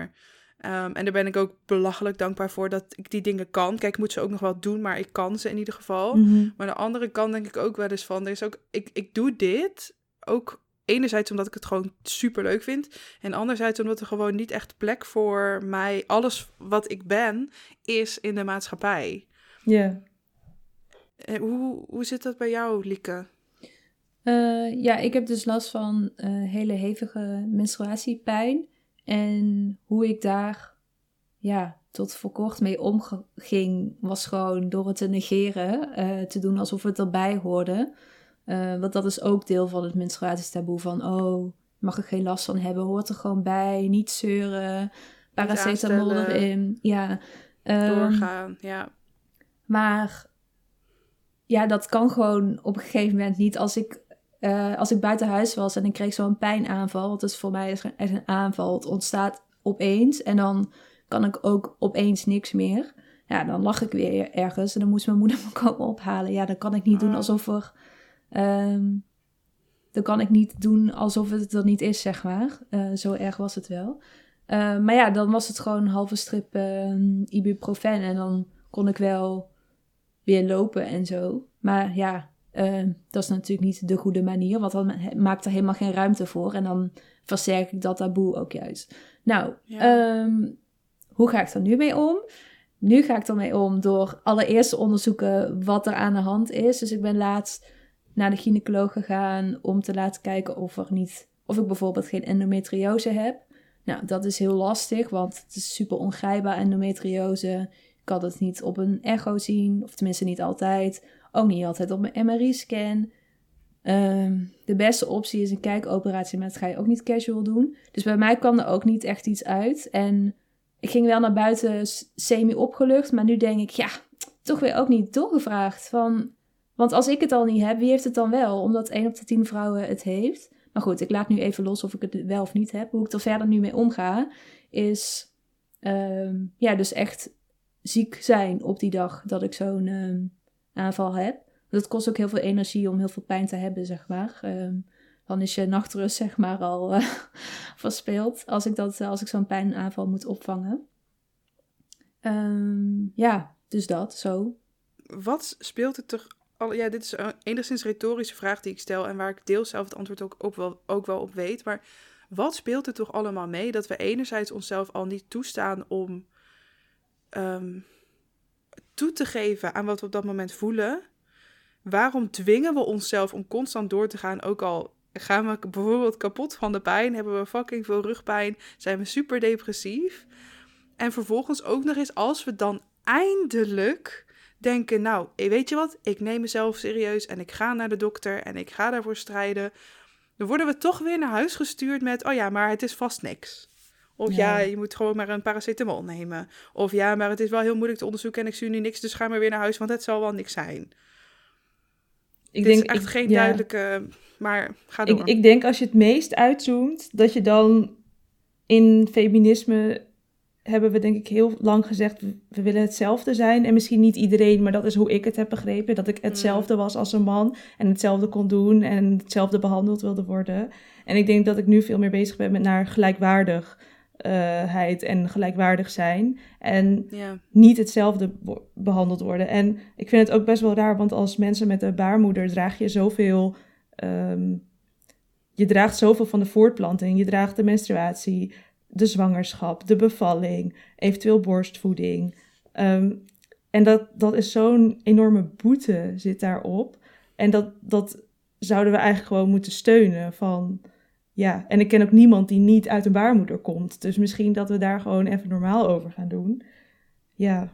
Ja, ja en dat, dat is ook heel erg... We nemen ook nog steeds zo erg, zeg maar, de cisgender man... dus de niet-menstruerende persoon... nemen we ook nog steeds zo als de standaard. Dus we, we proberen allemaal naar die standaard toe te leven, terwijl die mensen menstrueren niet. Dus die hebben niet dat ze er, weet ik veel, zeven dagen per maand gewoon half uit liggen. Ehm, maar we proberen wel dat te zijn, waardoor we eigenlijk compleet negeren waar wij behoefte aan hebben. En ehm, wat dat betreft is het ook meer, meer dat equality-equity ding. Ehm, ik weet niet of jullie dat plaatje kennen van zo'n jongetje dat over een schutting naar een honkbalveld probeert te kijken. En ik ga hem even opzoeken, dan zal ik hem even. Ja, ik zie hier een plaatje voor me, dus even om het verschil tussen equality en equity aan te tonen. Als je equity, equality intypt op Google, zie je hem ook echt meteen. Um, en het zijn twee afbeeldingen naast elkaar met steeds drie mensen en drie kratjes. En links staat iedereen op een kratje. De grote persoon die kan dan over de schutting heen kijken. De middelgrote persoon kan er net overheen kijken. En de kleine persoon die kan er niet overheen kijken naar die honkbalwedstrijd. En rechts zie je dan wat equity inhoudt. En dat is dat de lange persoon gewoon op de grond staat, de middellange persoon op één kratje en de kleinste persoon op twee kratjes, zodat ze allemaal naar de wedstrijd kunnen kijken. En ik denk dat dat ook een beetje is wat ik hierin zou willen. We mogen verschillen tussen wel en niet menstruerende mensen gewoon erkennen. We hoeven niet allemaal te streven naar dat soort cisgender, die cisgender mannelijke norm, want daar daar heeft ook bijna niemand dat aan. Zelfs cisgender mannen hebben daar niet zoveel aan. Nee. Daar zitten ook weer allemaal toxic dingen in. Ja, dus, nou ja. zeker. Ik heb ook echt... Uh, ik had ook een keer in een gesprek met iemand... en toen kwam ik opeens tot een soort van idee van... oh, het bedrijfsleven of werken, werkleven... want dat is waar al deze dingen heel erg uh, tot uiting komen. Dat het is alsof er een man een tafel is met allemaal uh, cisgender mannen... En andere mensen mogen aanschuiven. Dus we maken een plekje voor iemand met een baarmoeder. We maken een plekje voor iemand van kleur. Maar ik wil misschien gewoon een nieuwe tafel. Of gewoon, misschien wil ik helemaal geen tafel. Misschien wil ik wel een staattafel. Nou, ik weet het niet. Maar uh, ja, en dat merk je zo erg dat je een soort van ruimte moet proberen te ja. Ja, krijgen of zo. Nee, dit is, ik stop daar ergens. Kan ik daar stoppen? Staattafel. Ik wil gewoon een nieuwe tafel, ja waar me dat ook heel erg aan doet denken is dat bijvoorbeeld het huishouden wordt altijd heel erg gedaan alsof dat het ding is van de vrouw. En als de man dan iets doet, dan helpt hij. Ja. Terwijl, uh, sorry, maar als je samen in een huis woont, doe je dat toch samen? Het is toch niet dat het eigenlijk de verantwoordelijkheid van iemand is die toevallig is geboren met een vagina en borsten en jij met een pik. En dat je nee, dan ik, helpt? Wat? Ja, ik moet... Ik heb mijn oma, die is Pools en die heeft nogal ouderwetse visies, want ze is ook oud. En ik moet dus altijd broodjes smeren voor mijn vriend. Als we daar zijn, dan zegt ze, ja, hij heeft honger. Ga, wil je even broodjes smeren? en Oh ja, en ze gaf me een keer het advies dat ik. Ze is echt super lief voor trouwens, maar het is gewoon een andere visie. Maar ze gaf me het advies dat ik wel moest schoonmaken en opruimen en alles netjes moest houden, zodat mijn vriend bij me zou blijven. Ehm, en ik vroeg ook nou wat als we nou precies dezelfde baan hadden en precies evenveel uur en uh, we vinden het allebei even zwaar. Dan moest ik nog het huishouden doen, maar dan mocht ik hem wel, oh, als hij aanbood om te helpen, mocht ik wel dat aannemen, maar ik mocht hem niet vragen. Nou. Oh, oh maar toch. Ja. Ja. Een kleine generatiekloof dit. Ja, maar dit doet me ook echt denken. Ik zag gisteren ook zo'n zo'n ding voorbij komen op Instagram waarin ook stond... die 40-urige werkweek is uitgevonden in de tijd dat de vrouw thuis bleef... om het hele huishouden op zich te nemen als een soort fulltime baan. En Ja. de man 40 uur per week ging werken. En nu werken heel veel mensen allebei 40 uur per week, maar wordt er nog steeds van de vrouw verwacht Ja. dat die het hele huishouden op zich neemt. En al wordt dat niet zo uitgesproken, het gebeurt toch vaak. En het is ook vaak de vrouw die al die soort micromanaging taken op zich neemt. Van dan moet die en die naar de crash en dan moet die en die een kaartje krijgen. En een kinderfeestje moet een cadeautje worden gekocht. En wat eten we vanavond? Ja, dat zorgen dat ook zijn- heel erg. Dat, die zorgtaken. Ja, en het wordt ook helemaal niet als werk gezien. Maar die hele Nee. definitie van werk slaat ook helemaal nergens op. Precies, precies. Daarom moeten we af van het kapitalistische systeem, Lieke. Ja, retweet. Deze hele, deze hele podcast gaat helemaal een andere kant op. Ja, woeps. Maar eh, nee. nee, belangrijk om te bespreken. Want dit, dit hoort er voor mij ook gewoon bij. hey, ehm, tijd voor een vragenrondje. Want ik heb eh, best wel mooie vragen binnengekregen van, eh, vanuit mijn Instagram-volgers en de luisteraars van de podcast. En die zou ik eigenlijk heel graag aan jullie voorleggen. Want ik ben heel benieuwd wat jullie erop te zeggen hebben. En de eerste vraag die langskwam is: hoeveel buikpijn en bloedverlies tijdens je menstruatie is eigenlijk normaal? Nou. Ehm, ja, normaal is in, in alle contexten rondom menstruatie wel een beetje lastig, want daar is gewoon geen antwoord op. Maar nou ja, wat ik al zei, 1 op de 10 mensen heeft endometriose. Dus als jij dubbel ligt van de pijn, eh, Dan... dan... op de 10 menstruerende mensen, denk ik, hè? Ja, ja, sorry. Ja, klopt. Eh, dan heb jij meer dan genoeg reden om naar de gynaecoloog of huisarts te gaan. Nou, eigenlijk andersom. Om dat te onderzoeken. Ehm, dus in die zin is dat denk ik niet normaal. We hebben het wel normaal gemaakt om daar zogenaamd geen last van te mogen hebben. Eh, maar als je dat wel hebt, dan is dat voor jou in die zin dan normaal. En dan heb jij, moet je daar iets mee doen. Ehm, Ja, je hoe. dokter is daar ook letterlijk voor. Die is ervoor om Ja. te zorgen dat jij goede zorg krijgt. Dus, ehm, want ik, heb altijd, ik voel me altijd schuldig als ik naar de dokter ga. Want dan denk ik, ja, Ja. er zijn altijd mensen die het veel erger hebben. Ik moet me niet zo aanstellen. Ja, Ehm, maar we hebben allemaal gewoon recht op weten wat er zich afspeelt in ons lichaam. Ja. Want volgens mij was jouw gang naar de dokter ook niet echt heel soepel hieromheen, Lieke, Ik had wel? precies dezelfde experience, want ik moest zo op mijn strepen gaan staan om een doorverwijzing naar de gynaecoloog te krijgen. Want het hele gesprek eh, cirkelde op een gegeven moment ook rondom het hebben van de kinderwens, ja of nee. Alsof ik, als ik geen kinderen wil, minder recht heb om te weten wat er in mijn lichaam afspeelt. Ja, is goed, eh, huisarts. Eh, en eenmaal bij de gynaecoloog ging het ook eh, veel over, ja, heb je kinderwens? Nee, oké, nou dan kun je gewoon afwachten hoor. Je Ehm, kwam dus eh, zonder diagnose naar buiten, maar wel met zogenaamd een kinderwens. Ja. ja, op een gegeven moment ging ik dan maar doen dat ik een kinderwens had. Ja, eh, bizar dat dat zo moet Dat is gaan. toch erg? Ja, Het is toch echt erg dat je dan moet doen alsof je een kinderwens hebt. En misschien heb je die ook wel, maar misschien ben je er nu ook helemaal niet zo mee bezig. Om zorg te krijgen dat jouw potentiële ongeboren kind dus belangrijker wordt gevonden dan jouw gezondheid op dit moment. ja, Vind ik echt heftig. die procedure die, eh, die klopt niet helemaal inderdaad. Nee, nee, Ehm, nee, zeker. En je vroeg ook naar bloedverlies. Ehm, Ja. Volgens mij als je meer dan 80 milliliter bloed, dan is dat meer dan gemiddeld. Maar dat kan dan alsnog betekenen dat dat normaal is voor jouw lichaam. Dat hoeft niet per se te betekenen dat je eh bloedarmoede hebt, bijvoorbeeld. Ehm, maar hierbij geldt ook, mocht je ergens last van hebben, dan heb je gewoon reden om naar die huisarts te gaan. Dus eh, bloed je heel veel en voel je je daardoor flauw bijvoorbeeld. Nou, bel die dokter zou ik zeggen. Ehm, maar 80 milliliter is eh, het gemiddelde. Meer dan 80 milliliter voor je hele menstruatie. Dat is uh, zeg maar de grens van daarna is ja, het met je de bovengrens. Om, ja. ja. En iemand anders vroeg ook: is het normaal dat je niet goed kunt functioneren tijdens je menstruatie? Ik denk dat het, daar zit ook weer dat woord uh, normaal in. Ja. Uh, normaal als in het komt voor en veel mensen, relatief veel mensen hebben dit. Maar ik denk dat je ook een grens voor jezelf moet zoeken van hoeveel, wanneer is het te veel.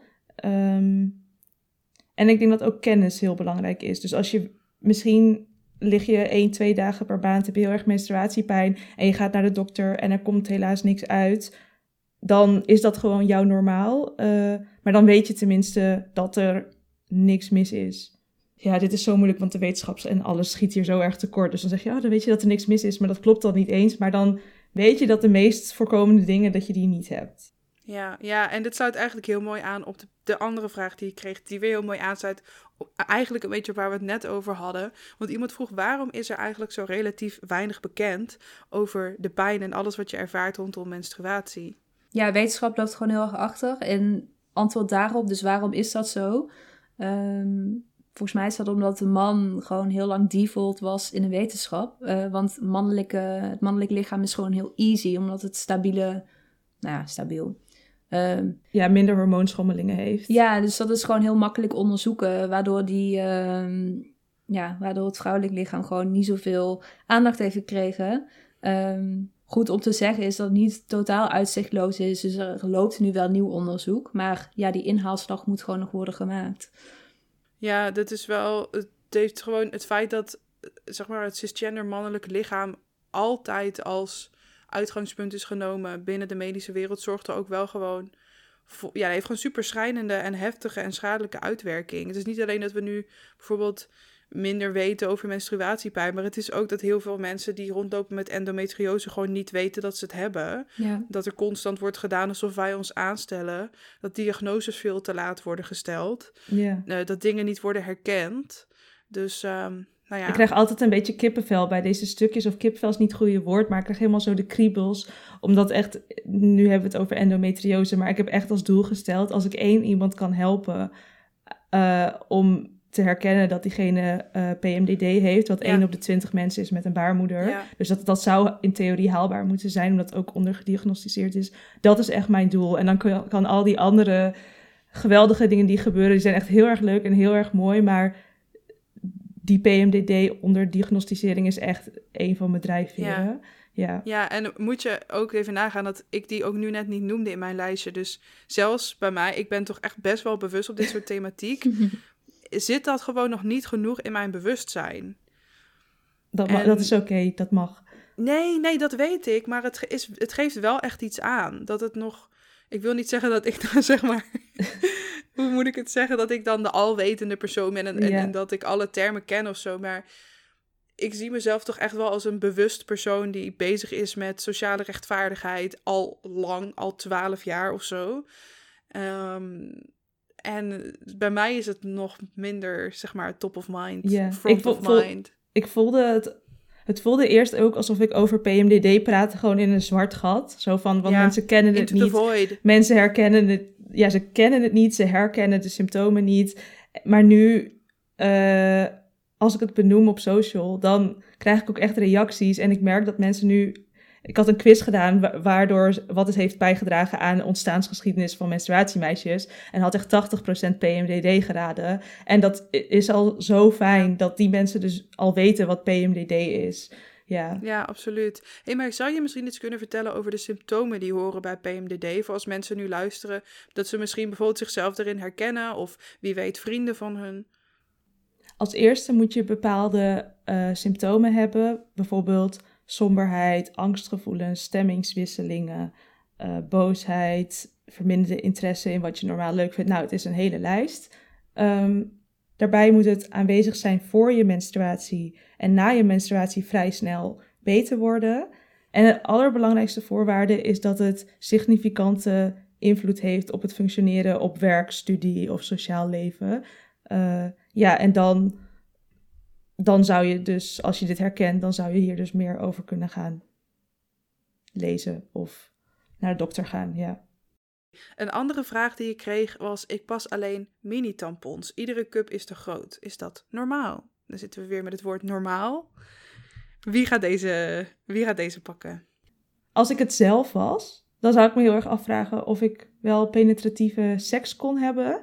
Uh, en ik zou wel meer willen weten waarom het alleen uh, mini is. Dus ik denk dat het wel interessant is om dit meer te verkennen. En dan niet per se in relatie tot die cup, want dat is een beetje bijzaak voor mij in deze vraag. Uh, misschien niet voor degene die de vraag heeft gesteld. Uh, ja, ik zou. Dus ik zou wel dit verder gaan onderzoeken. Ja, en het gaat er denk ik ook vooral om niet per se wat is normaal of wat is gebruikelijk, maar wat is voor jou fijn. Dus is dit iets waarvan je denkt, nou, ik zou dat graag meer willen onderzoeken dan zou je dat misschien eens kunnen doen. En zeg je, nou, ik vind het eigenlijk niet erg. Dit is gewoon hoe mijn vagina nu is. En dat, daar ben ik oké mee. Dan is dat ook helemaal goed. Maar weet dat gewoon de weg vrij is. Mocht dat iets zijn waarvan je denkt, nou, dat zou ik toch wel eens willen onderzoeken. Dat het zeker iets is waarmee je aan kan kloppen bij je huisarts. Daar heb je gewoon recht op. Ja, absoluut. hey, um, ik wil uh, graag uh, bijna nou, ik wil niet graag afsluiten, maar dat moet zo wel. Maar voor we dat gaan doen, um, wil ik nog een, een soort rubriek uit jullie podcast delen. Because I like your podcast very much. Um, want jullie hebben het menstruatiemoment. En die vind ik echt super leuk. En dan deelt een luisteraar steeds een klein verhaaltje om diens menstruatie. En dat kan dan verdrietig zijn, maar ook heel mooi of grappig of vreemd. Um, dus ik vroeg mijn luisteraars ook of ze hun menstruatiemoment in wilden sturen. Nou, ik heb hele mooie antwoorden gekregen, waarvan ik er zo even een paar voor wil lezen. En dan lijkt het me wel leuk als wij ook alle drie een menstruatiemoment delen. Want Zeker. ik heb, ja, jullie deden natuurlijk heel veel menstruatiemomenten, maar niet zo specifiek Mhm. als menstruatiemoment. Dus ik ben even zo vrij geweest om jullie rubriek te stelen. Maar eh, ik kreeg heel veel verschillende eh, menstruatiemomentjes binnen. En eentje was van eh, iemand die instuurde: Mijn kinderen, die zijn nu 1 en 3, die laten me nooit alleen op de wc. Dus dat gaf me de gelegenheid er direct heel open en nuchter over te zijn. Dus mijn zoon van 3, die weet dat mensen met een baarmoeder ongesteld worden. En dat er dan bloed uit de vagina komt. Om de baarmoeder eigenlijk zo een beetje schoon te maken. En dat de tampon een soort verbandje is wat je in je vagina kan doen om het bloed op te vangen. En hij vindt het nu heel normaal. En ik hoop dat dat zo blijft als hij naar school gaat. Dat vond ik zo leuk en mooi om te horen. Ja. Dat je gewoon meteen zegt: kijk, het is een tampon en dit is wat het doet. En dat het van, zo genormaliseerd wordt ook vanaf het begin. Dus dat vond ik heel leuk om te horen. En een ander, een ander heel mooi verhaal. Ehm, dit, hier werd ik een beetje warm van voor binnen. was iemand die zei: ehm, We waren op kamp met onze jeugdbeweging en daar waren enkel meisjes. En een dag voor we gingen zwemmen, kreeg ze wat heel de groep zijn regels. Dat is in, in het Vlaams dat je Mhm. ongesteld wordt. Ook de meisjes die nog nooit hadden gemenstrueerd. De leidster van dienst heeft toen aan bed staan uitleggen hoe je een tampon moet gebruiken. En erna zaten we met zeker zeven naast elkaar in douchecabines naar elkaar instructies en aanmoedigingen te schreeuwen en samen te proberen. De openheid was verademend. Zeker Ah. tegenover de seksuele opvoeding op school, die menstruatie afschilderde als iets vies en onhygiënisch. En tampons iets voor vrouwen die al bevallen waren en zeker niet voor jonge meisjes. Nou, ik werd hier zo warm van van binnen. Natuurlijk niet van die afsluiting, want uh, what the fuck eh, over die voorlichting. Echt, eh, hmm, daar gaan we het nu maar niet te lang over hebben, want daar kunnen we nog een hele podcast over volpraten. Maar ik vond dit zo mooi. Ik zie het echt zo voor me dat ze zeven van die meiden naast elkaar zo aanmoedigingen zitten te schreeuwen. Iets naar links, iets naar Ja. rechts. Doorduwen, je kent het. Heel Dat vond nice. gewoon heel mooi, eh, heel mooi eh, verhalen. Maar ik kreeg ook best wel verdrietige dingen binnen. Ehm, iemand die ook vertelde, mijn eerste menstruatie was heel traumatisch. Ik was net elf geworden en we waren op vakantie in Spanje. Ik moest opeens als jong meisje met heel veel dingen rekening houden. Terwijl ik het liefst gewoon met de Barbie speelde, ging zwemmen, spelen met vrienden en zo. En de term dat je volwassen bent wanneer je ongesteld bent, vind ik daarom heel kwalijk. Het zorgde voor mij voor heel veel verwarring. Want ik dacht nu dat ik niet meer kon spelen, want ik was opeens een vrouw.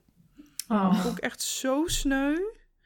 En iemand die ook zei, ik weet nog dat mijn moeder er heel raar over deed. Zo van, ja, nu ben je een echte vrouw. Maar ik werd er juist super ongemakkelijk van. En ze mocht het van mij niet vertellen. Vervolgens wist de buurvrouw het meteen. En ik voelde me zo rot daarover. Dit is echt... Mijn hart breekt. Ja, En eh, ehm, iemand die vertelde, die vond ik wel weer grappig, toen ik dronken was, een nieuwe tampon indeed en de volgende ochtend er twee uittrok. Die vond ik wel leuk. En iemand anders zei, mijn moeder zei dat ik onder de douche niet zou bloeden. Ik had me nog nooit zo verraden gevoeld. Want dat is ook zo'n ding, dat heel veel mensen denken dat als je contact hebt met water, dat je dan ineens niet meer bloedt. Ja. Terwijl als je in een zwembad bent of zo, kan dat niet druk ervoor zorgen dat, het water, dat zeg maar, je bloed er niet per se meteen uitkomt. Maar als je dan even druk zet of zo, dan komt het er alsnog gewoon uit. Dus dat is waarom je dan wel een tampon en zo moet dragen.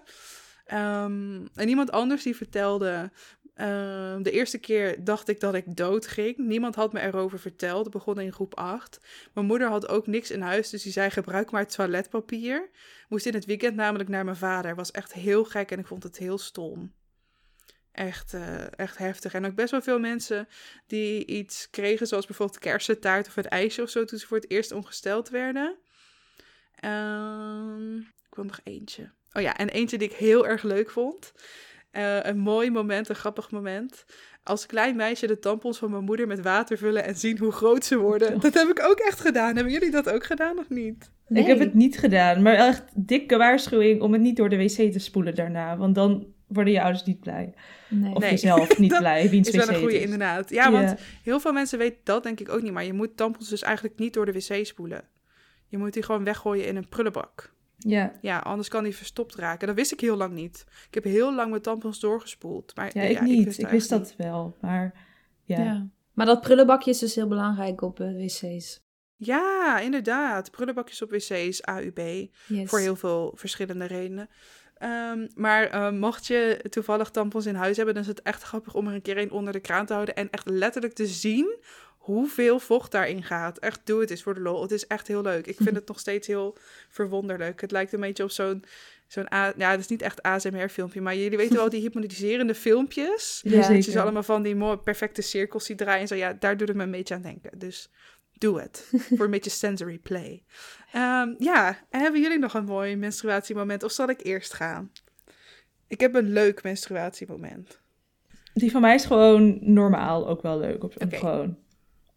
Ik heb ook een, wel een happy verhaal, zeg maar. Nou, oké. Lieke, take the stage. Oké, nou, ik ga het weer over volleybal hebben. Surprise, surprise. Maar toen ik... ehm, Zit je soms een volleybal? eh? ja, ja. Eh, toen ik ehm, jonger was, ik, ik weet niet meer precies hoe oud, maar ik denk 15, 16, zoiets.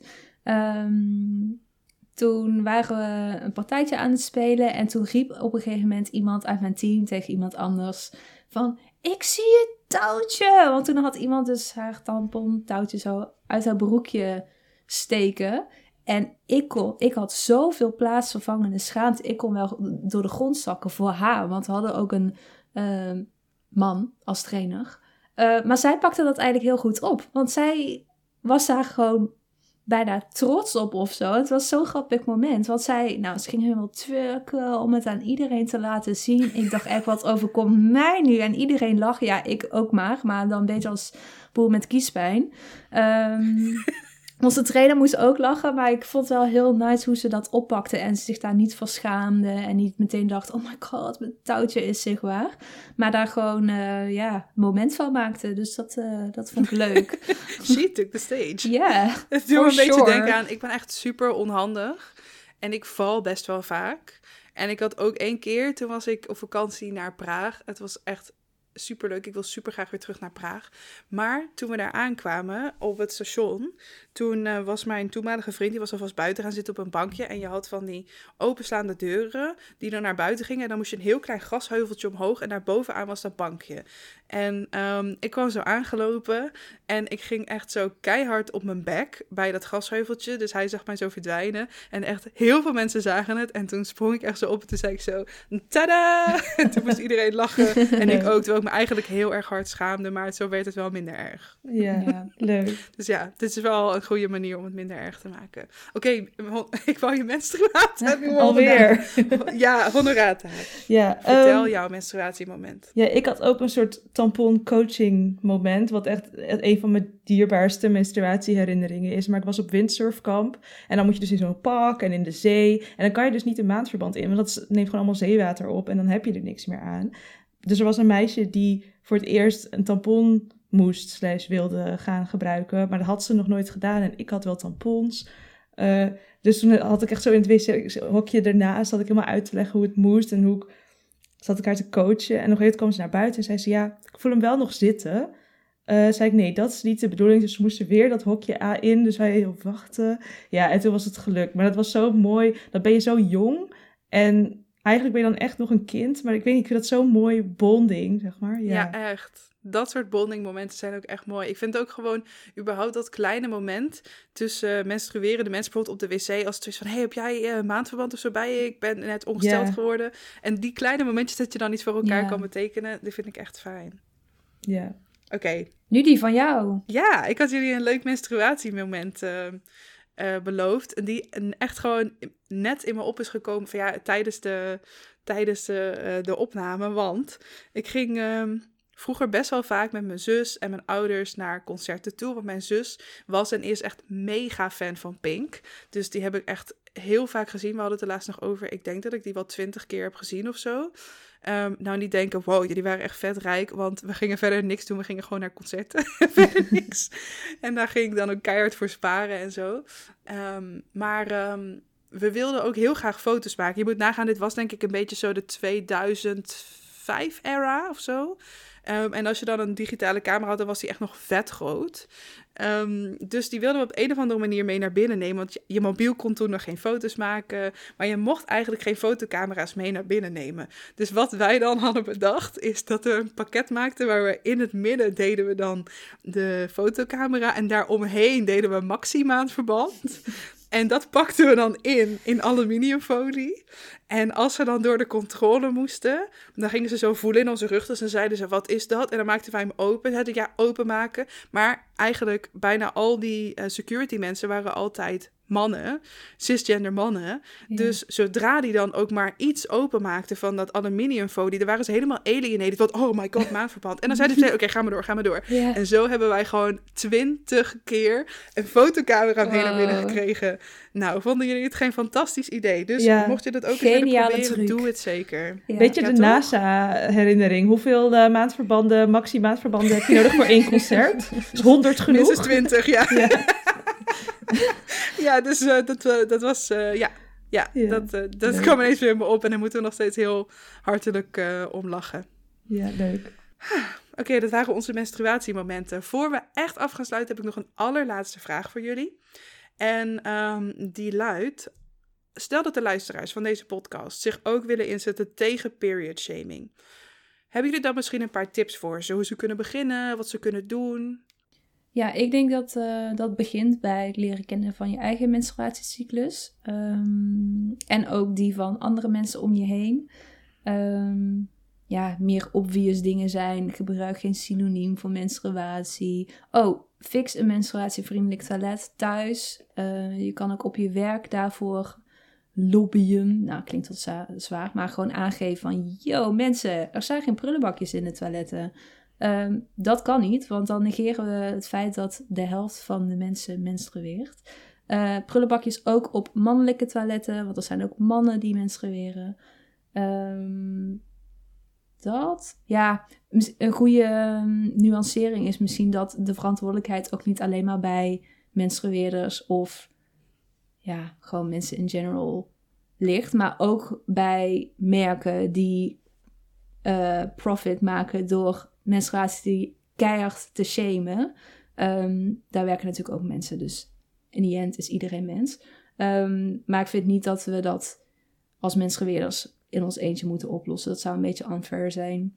Eh, dat is ook heel makkelijk van ja, maar jij moet je tampon gewoon zichtbaar meenemen naar het toilet. Ja, is goed. Maar tegelijkertijd eh, zie ik op tv dat je nergens last van mag hebben, want fietsen de vrouwen vrolijk eh, door een bloemenveld. Zo gaat ooit. Ja, met- in terwijl menstruatiereclames. Er een maandverbandje wordt eh, bevlekt met blauwe vloeistof. Ja, dat soort dingen. Ja. Ja. dat...